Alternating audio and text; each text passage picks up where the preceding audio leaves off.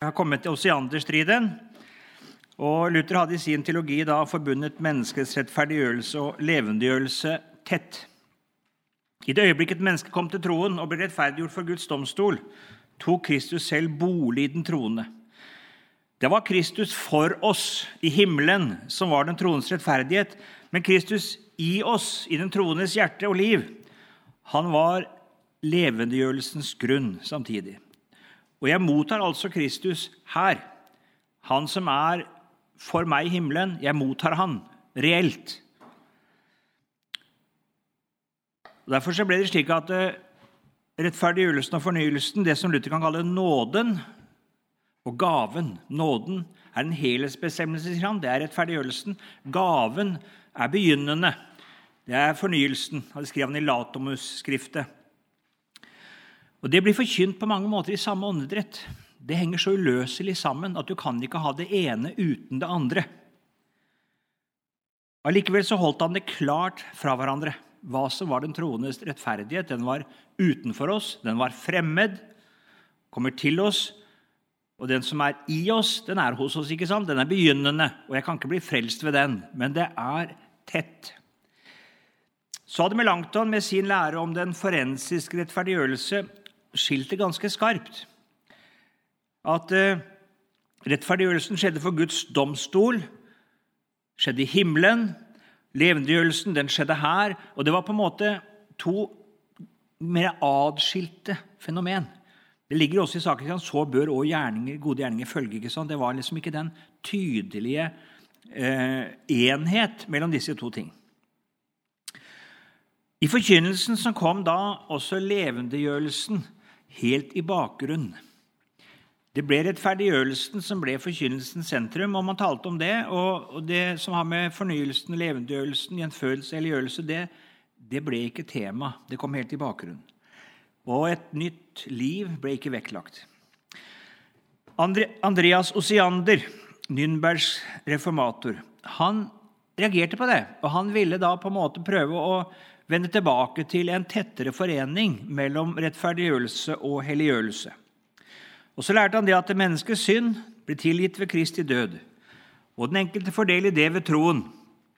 Og ved troen kommer Kristus inn i den troende, og så går vi over streken. Og det er den levende Kristus, hans guddommelige natur, i den troendes liv, som er den troendes rettferdighet for Gud. Nå er ikke den Kristus som står for Gud, altså himmelen, for meg, men det er den Kristus som lever i meg, som er min rettferdighet for Gud. Rettferdiggjørelsen er ikke lenger forensisk, ikke for Guds domstol, men den er virkelig og real i den troendes liv. Og Da blir det den moralske fornyelse som blir det sentrale. Det blir også grunnlag for frelsesvissheten. For det er den reale erfaring av rettferdigheten i livet som blir frelsens grunn. Og Dette reagerte både filippistere, altså Melankton-tilhengere, og gnesulutteranere på og tok til gjenmæle. Holdt fram at den troendes rettferdighet for Gud det var tilregnelse av Kristi fremmede rettferdighet. Justitia aliena. Og Concordia-formelen artikkel 3 da, holder tydelig fram den forensiske rettferd rettferdiggjørelseslære. Troen, eller den iboende Kristus, er ikke en dyd, er ikke rettferdiggjørelsens grunnlag men det er Kristi stedfortredergjerning for oss. Vi frelses for Kristi skyld ved troen. Troen er ikke i seg selv, altså, eller dens utfoldelse er ikke en del av rettferdiggjørelsens grunnlag, men det er en måte jeg mottar rettferdiggjørelsen på. Så både Kristi lidelse og hans aktive lydighet hører med til menneskenes forløsning. Det har vært også strid om. Altså både det at han lider og dør til syndenes forlatelse, men også hans rettferdige liv for oss. Han var også stedfortreder i livet. Han ble prøvet i alt i likhet med oss, men uten synd, og han er min rettferdighet for Gud.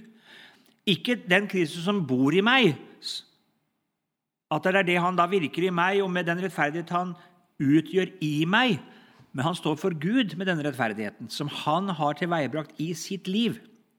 Det ser forskjellen. At det er altså den rettferdighet han tilveiebrakte under sitt jordeliv, som er min rettferdighet for Gud. Ikke den rettferdighet som han utfolder ved å bo i mitt hjerte. Den er, hører med til fornyelsen og helliggjørelsen og har sin betydning, men ikke i rettferdiggjørelsen.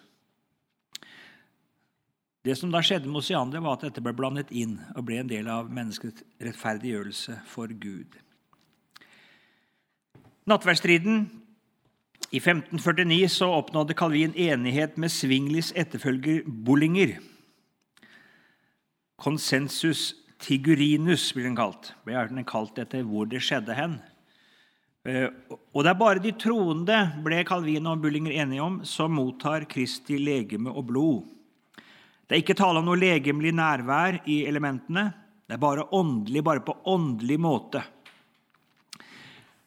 Man mottar altså ikke Kristi legeme og blod med munnen, men ved siden av, bak og si, på annen måte ved Den hellige ånd, ved troen, så mottar man Kristi legeme og blod. Det er, det er bare de troende. Og ved, ved troen da, så, så, så, er det slik at Den hellige ånd makter å forene oss med Kristus på åndelig måte. Og Denne enigheten mellom Calvin og Bollinger fikk følger.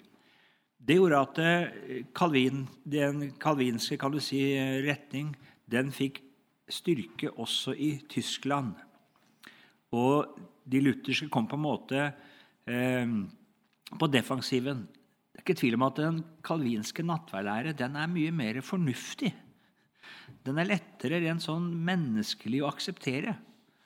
Eh, realpresensen den er, den er, et under som er vanskelig for forstanden. ikke sant? Så det, det, det kalvinske synet på nattverden den, det, og Når man ble enig med Svinglis etterfølger, så, var det på en måte, så, eh, så ga det på en måte en, eh, en gjenklang. I Wittenberg distanserte man seg fra Svingli men også fra Flakius. Han var nå blitt en sånn, Man ble litt sånn reservert overfor han, fordi han hadde altså gått for langt i synet på menneskets arvesynd. Eh, for Flakus lærte her helt luthersk realpresens. Kommer tilbake til dette med ubikvitetslæren. Eh, kalvinske standpunkter altså, det fikk likevel, som man ikke fulgte Bullinger og Calvin her helt, så gikk man i den retning. Eh, realpresensen står nå på spill. Og Kurfyrsten han griper inn og forviser filippistene da i 1574. Og Gnesio-lutheranerne får igjen kontroll over universitetet i Wittenberg. Det er altså der den kalvinske nattverdslære har fått et visst innpass. Joakim Westphal går til angrep på Calvin. Brenz og Chemnitz forsvarer ubikvitetslæren og communicatio idiomatum. Vi skal ta de uttrykkene. Mot da eh, Melanktons etterfølgere. De tar utgangspunkt i den oldkirkelige lære om Kristi person fra Kalkedon. Kristus er én gudmenneskelig person. Én person. To naturer. Hvordan er da forholdet mellom den guddommelige og menneskelige natur i denne ene personen? Det er det dette handler om. Det vi kaller ubikvitetslære, eller communicatio idiomatum. Og Det er tre slags forhold mellom den guddommelige og menneskelige person. Eller tre sider ved den saken. For det første det man kaller genus idiomaticum. Det vil si at begge naturene, den menneskelige og den guddommelige, begge deres egenskaper, tilligger hele personen, gudmennesket Jesus Kristus. Slik at det som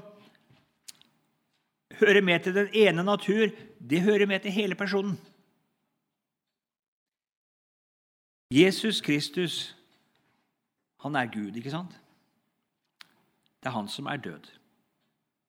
Og dermed er gudmenneske død. Jesus Kristus er et menneske. Det er han. Men han er allmektig. Og da er et menneske allmektig. Altså det som tillegger altså det er, Hele personen er, er, har del i det som vi tenker på en måte tilhører den ene naturen. Det tilhører Gud å være allmektig. Når gudmennesket Jesus Kristus er én person, da er hele personen allmektig. Og da er et menneske allmektig. ikke sant? Genus majestaticum, den menneskelige natur, den har sin eksistens i den guddommelige natur. Det vil si at den menneskelige natur har del i hele guddommens herlighet. Altså Et menneske er blitt allmektig, er blitt allestedsnærværende. Det kunne ikke katolikker godta, og kalvinister kunne ikke godta det heller. Og Dette er viktig for nattverden. Er et menneske allestedsnærværende, så kan Jesu legeme og blod være allestedsnærværende. Der tenkte Calvin annerledes, at uh, Jesu manndom den er lokal, men det menneskelige kan ikke bli allestedsnærværende. Jesu legeme må være ett sted. Han tenker da også himmelen litt lokalt, at da er Jesus der nå. Og Da kan han ikke være i brød og vin.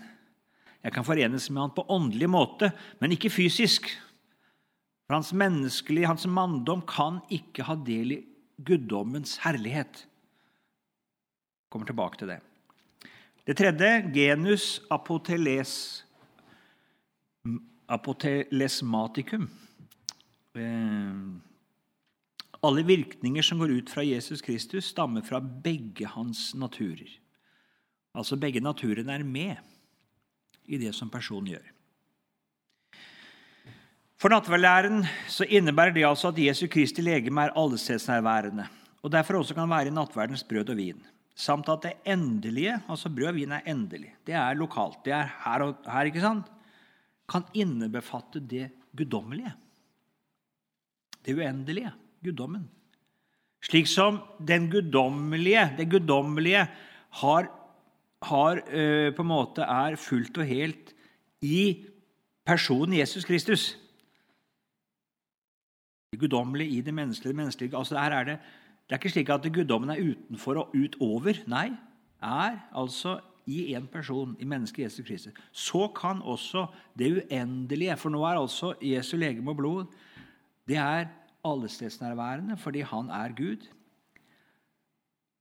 Men selv om dette er uendelig, så kan det altså rommes i det lokale brød og vin. Umulig for en kalvinist. Det er et filosofisk problem. Jo. Ja. Ja, ja, ja, ja, ja. I bokstavene. Vi kommer litt tilbake til det litt senere. akkurat det problemet der. Ja. Eh, Concordieformelen, artikkel 7, understreker at Kristi legeme og blod virkelig er nærværende i, med og under brød og vin uavhengig av forvalterens og nattverdgjestenes personlige tro. Det avhenger bare av innstiftelsen.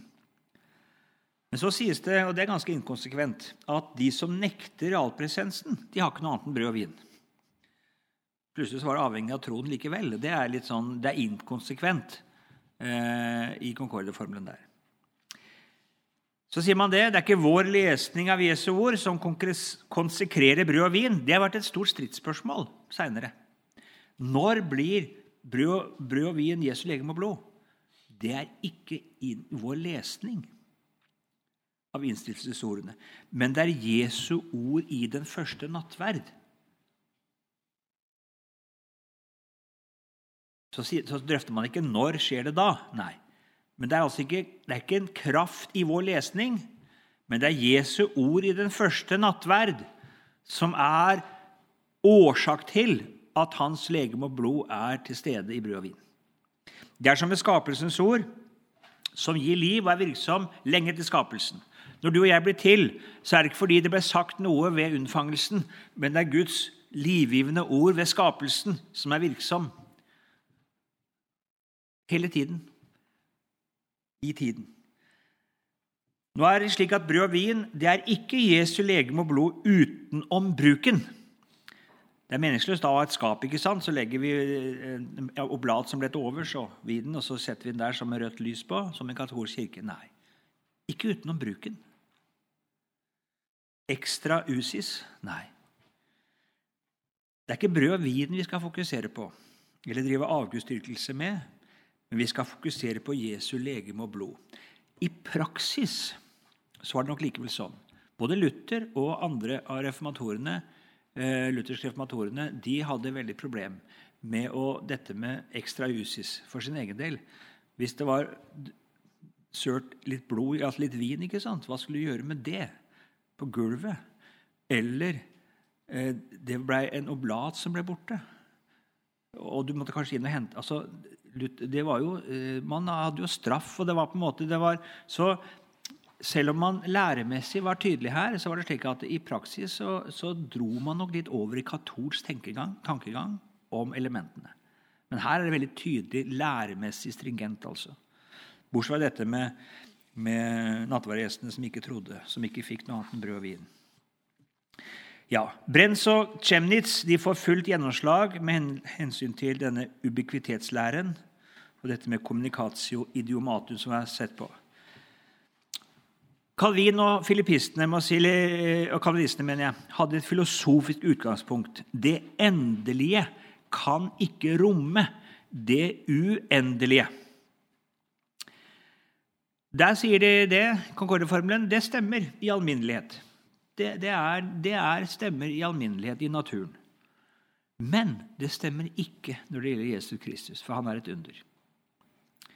Vi kan ikke følge den på en måte alminnelige lovmessighet i naturen og overføre den på Kristus. Da lar vi på en måte et filosofisk utgangspunkt eh, gjøre underet umulig. Eh, det er jo egentlig en ganske moderne tanke, men den har vi altså allerede her. Eh, vi må følge det som åpenbaringen sier, det som Skriften sier om Jesu person. Og Den sier at Gud var i Kristus, at guddommens fylde bodde legemlig i Han. En umulighet for tanken at han som ikke rommes av universet, Himlenes himmel er for liten for han, ikke sant? Han rommes i et menneskelig legeme og i brød og vin. De lærer Skriften. Og Det er Skriften, ikke filosofien, som skal lære oss hva vi skal tro om inkarnasjon. Det var det vi tar fram fra Concordie-formelen. Og så skal vi komme tilbake til noen av spørsmålene. altså. De, de, de kommer opp igjen.